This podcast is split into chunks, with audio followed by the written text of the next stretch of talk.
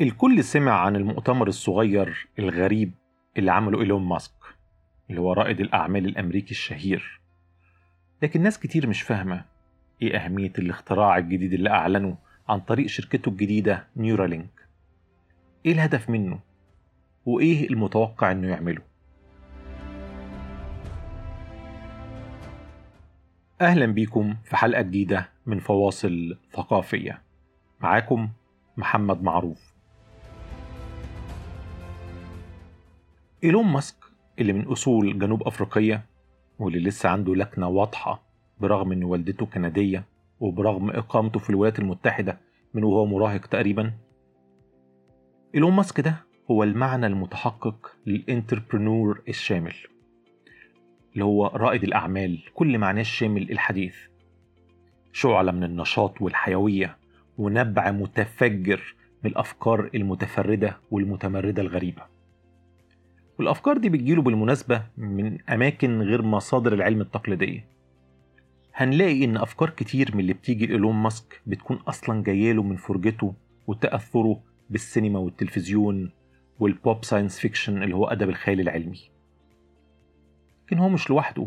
ملايين من البشر ما كانش مليارات اتفرجوا واستمتعوا وحلموا بالأفكار المطرقعة اللي بتطرحها خيالات المؤلفين وصناع الفن عموما. لكن إيلون ماسك مختلف شوية عن التانيين. انغماسه الطفولي في عالم الخيال العلمي وإيمانه الكبير بنفسه الاتنين مع بعض دفعوا له إنه يحاول يحول الخيال ده لواقع على الأرض. خصوصا بعد لما بقى عنده رأس المال الكافي وده حققه من نجاحاته الضخمة في حياته المهنية المبكرة واللي بدأها في ال software development في عالم البرمجة.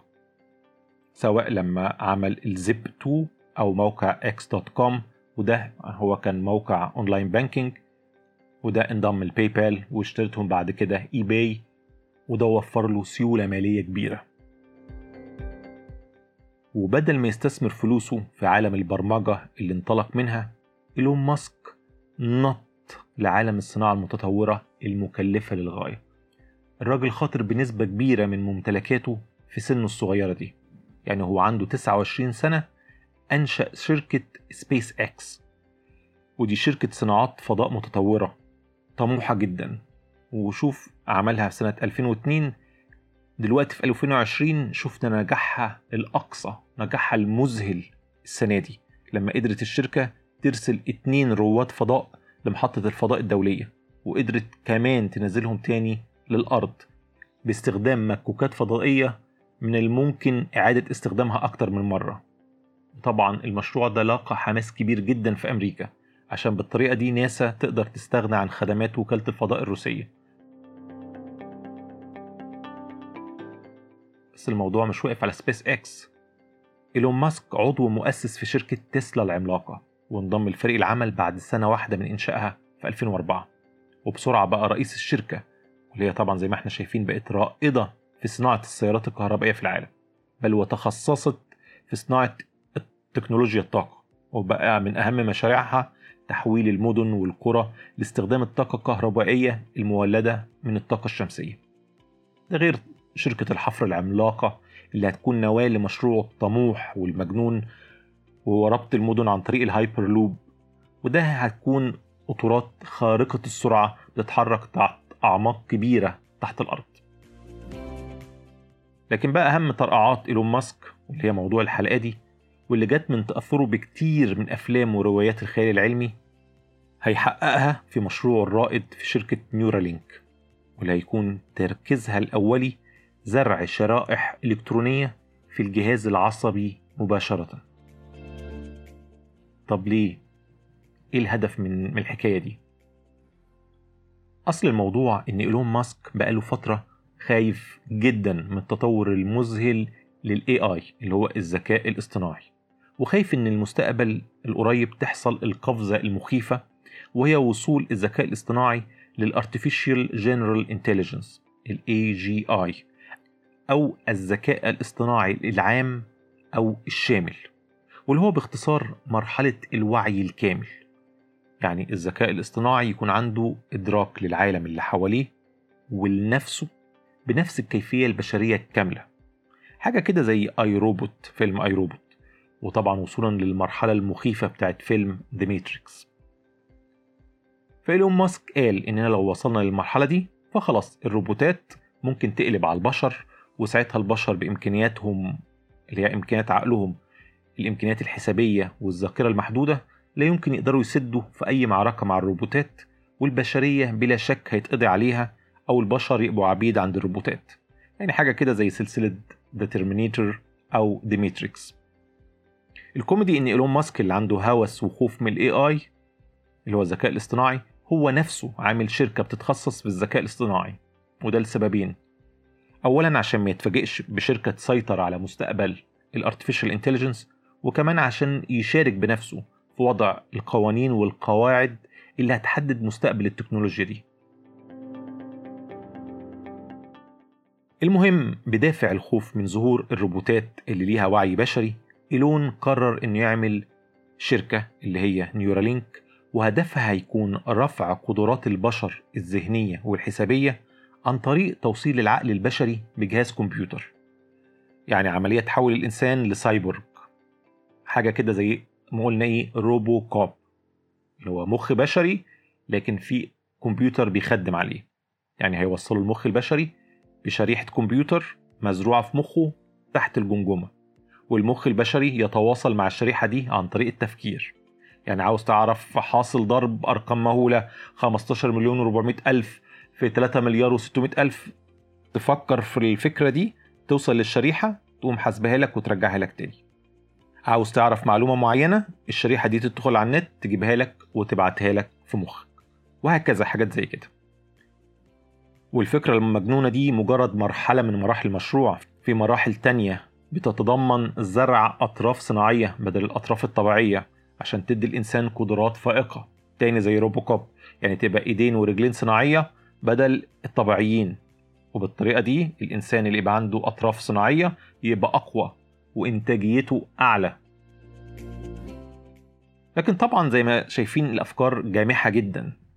فما اتخدتش بجدية من العالم وتمت السخرية منه بطريقة كبيرة جدا. والسبب طبعا إن العالم لسه بعيد شوية عن استكشاف العوالم دي. ده غير ده الأهم إن تقبل الناس للأفكار اللاسعة دي مش موجود في عصرنا الحالي. يعني تخيل كده تقول لبني آدم اسمح لي أخرم لك الجمجمة وأحط لك شريحة. هي آه ممكن تخليك عبقري زمانك لكنها لو فشلت أو حصلت مشكلة في العملية فإحنا آسفين. أنت هتتحول لمتخلف عقلي ومشلول ومش بعيد تبقى زيك زي الكرسي اللي أنت قاعد عليه. أو إنك مثلا تقول واحد تاني لا لا لا لا المخ لا لا, لا بلاش المخ. إحنا هنقطع لك رجليك وهنركب لك رجلين روبوت عشان تبقى أسرع كائن على وش الأرض. هو طبعا هنلاقي في ناس مجانين ممكن توافق بس الأغلبية هتشوف الموضوع على إنه طبعا منفر ومرعب. بس طبعا من عارف في المستقبل إيه اللي ممكن يحصل والإنسان ممكن يوافق على إيه في سبيل المنافسة وطبعا أكل العيش. ما مخلينا في وقتنا الحالي. الأفكار دي أفكار مطرقعة ومخيفة. واضح طبعا إن إيلون ماسك نفسه أدرك كده أو قعد مع علماء أو ناس راسية قالوا له اعقل شوية. وهنعمل لك اللي أنت عاوزه بس الدخلة ما تبقاش كده يا معلم. إحنا نعمل لك اللي أنت عاوزه بس عشان نقدر نعمل التجارب الخطيرة عشان نوصل للأهداف اللي أنت عاوزها دي لازم الموضوع نبدأه نخليه يحل مشكلة على أرض الواقع فعلا. وعن طريقها نبدأ التجارب اللي هنجرب فيها الأفكار الجهنمية اللي أنت عاوزها دي. هي طبعا التجارب بتاعت شرائح بتتحط في الجسم دي موجودة بالفعل.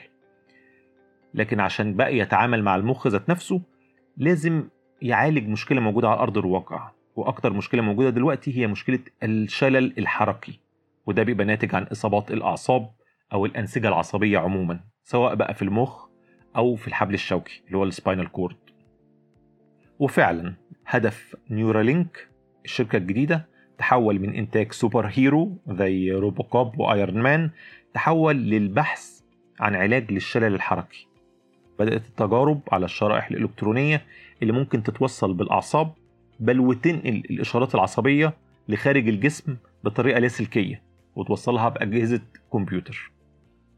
والمشروع بعد ما بقى ليه هدف علاجي قدر فعلا يحصل على ترخيص من ال FDA اللي هي هيئه الغذاء والدواء الأمريكية والتجارب بالفعل بدأت على الحيوانات. وده كان موضوع مؤتمر إيلون ماسك. كان عبارة عن عرض مبدئي لفكرة ال Neuralink والشريحة الجديدة بتاعته بعد ما غيروا شكلها وخلوها أصغر وتغير وضعها بعد ما كانت ورا الودن هتبقى إيه؟ في الجمجمة في حتة من فوق. إيلون ماسك في العرض بتاعه اللي كان مؤتمر صغير عرض ثلاث خنازير. واحد عادي ما فيهوش شريحة واحد كان فيه شريحة واتشالت وواحد فيه الشريحة بقالها شهرين. عشان يبين للناس إن الثلاث خنازير شكلهم زي بعض نفس الصحة ونفس الحيوية. وقدام الجمهور الصغير اللي كان حاضر إيلون ماسك ورانا الإشارات اللي جاية من الشريحة اللي تم استقبالها على الكمبيوتر ودي كانت متوصلة بأعصاب منطقة الأنف عند الخنزير. ودي بتبقى منطقة حساسة جدا وفيها أعصاب كتير. وأنا هحط link للفيديو على الصفحة صفحة فاصل ثقافية. اللي يحب يشوف الفيديو ويشوف عرض المؤتمر هيلاقي ال link عندي على الصفحة. عملية زراعة الشريحة في المخ عملية دقيقة جدا وطبعا خطيرة لكن إيلون معاه فريق طبي وتقني على مستوى عالي لدرجة إنهم استخدموا جهاز روبوت جراحي على مستوى عالي جدا من التخصص. هو اللي قام بزراعة الشريحة وهو اللي هيقوم بالتجارب التانية.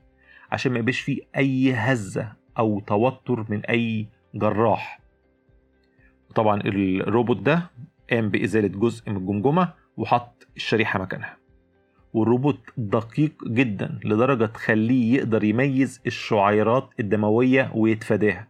وبكده ما يبقاش فيه أي نزيف في المنطقة. وده طبعا يخلي تركيبها أضراره قليلة جدا ما يبقاش فيه أي نزيف ممكن يأذي النسيج الدماغي اللي هو النسيج العصبي. مش كده وبس ده كمان باستخدام الروبوت ده العملية بتاخد ساعة وما بتحتاجش تخدير كلي وكمان العيان يقدر يروح بيته في نفس اليوم. حاجة مذهلة. المهم هدف مشروع نيورالينك دلوقتي بقى توصيل الأعصاب المقطوعة. أو الأنسجة العصبية المتهتكة. المرحلة الأولى هتستهدف شريحة المصابين بالشلل الحركي نتيجة قطع في الحبل الشوكي وبكده هيحل مشكلة عويصة جدا في الطب اللي هي الشلل الحركي وده لو اتحقق هيكون نجاح كبير جدا لإيلون ماسك وطبعا خدمة كبيرة لشريحة محترمة من البشر المتضررين من المرض العويص اللي بيعمل إعاقة ضخمة ليهم. لكن إيلون ماسك طموحه منفلت وده بان من ردوده على بعض الأسئلة اللي طرحها الحضور أو الناس اللي كانوا بيتابعوا المؤتمر أونلاين. يعني مثلا عرفنا إن لسه في مراحل تانية للمشروع هتستهدف مناطق تانية في الجهاز العصبي خصوصا طبعا المخ. يعني إيلون ماسك بيأمل إنهم هيقدروا يعالجوا أمراض كتير زي فقدان الذاكرة أو الإدمان وغيرها وده طبعا عن طريق إشارات من شرايح هتتحط في حتت مختلفة من المخ. ممكن حتى المخ يكون فيه كذا شريحة. يعني الطبيب المعالج هيبرمج الشريحة اللي هتبقى متوصلة بمراكز معينة في المخ. اللي مثلا هتكون مرتبطة بالمشاعر عشان مثلا تقلل رد فعل المريض المدمن للمخدرات أو النشاط المرضي الزائد في الأطفال اللي عندهم ADHD اللي هو مرض النشاط الزائد أو مثلا لإحباط العنف عند الشخصيات السيكوباتية. طبعا الناس هتقول طب دي حاجات كويسة إيه إيه الضرر اللي فيها؟ أقول لكم طب خلوا خيالنا يشطح شوية زي إيلون ماسك كده. ونتخيل لو حد عمل هاك على الشريحة دي. يعني أنت في شريحة في مخك متوصلة بمخك بتأثر على التوصيلات العصبية اللي في مخك وتعمل عليها هاك. خصوصا لو متوصلة بمراكز الذاكرة أو المشاعر أو التفكير والشخصية. ها تخيلت؟ فكرة مرعبة مش كده؟ أحب أسمع طبعا آرائكم وأفكاركم في الموضوع سواء العلمية أو الدينية أو الأخلاقية يعني أنت كشخص طبيعي ممكن فعلا تحب تركب لك شريحة في مخك تخليك أذكى من اللي حواليك وقدراتك الذهنية والدراسية أعلى وإنجازاتك الفكرية أكتر ولو حتى نفسك في كده مستعد تاخد المخاطرة مخاطرة إن نسيج مخك نفسه يتأذي وبدل ما تبقى أذكى تتحول لإنسان معاق معاق ذهنيا طبعا يعني بل وحركيا كمان. بلاش. حتى لو فرضنا إن نسبة نجاح العملية بقت 100% تأمن على نفسك إن في شريحة غريبة في مخك وإن ممكن يكون في نسبة ولو هامشية إن في المستقبل حد يقدر من خلالها يتحكم في طريقة تفكيرك ومشاعرك ناحية الآخرين والعالم. ويغير لك شخصيتك كمان في السكة؟ اكتبوا لي آرائكم وأفكاركم على صفحة فواصل ثقافية سواء على الفيسبوك أو على اليوتيوب. ودي كانت حلقة سريعة فده كل اللي عندي النهاردة. يا ريت لو عجبتكم الحلقة أو البودكاست عموما تشاركوا المحتوى وتعملوها تقييم على منصات الاستماع المختلفة. شكرا لاستماعكم وأشوفكم على خير الحلقة الجاية.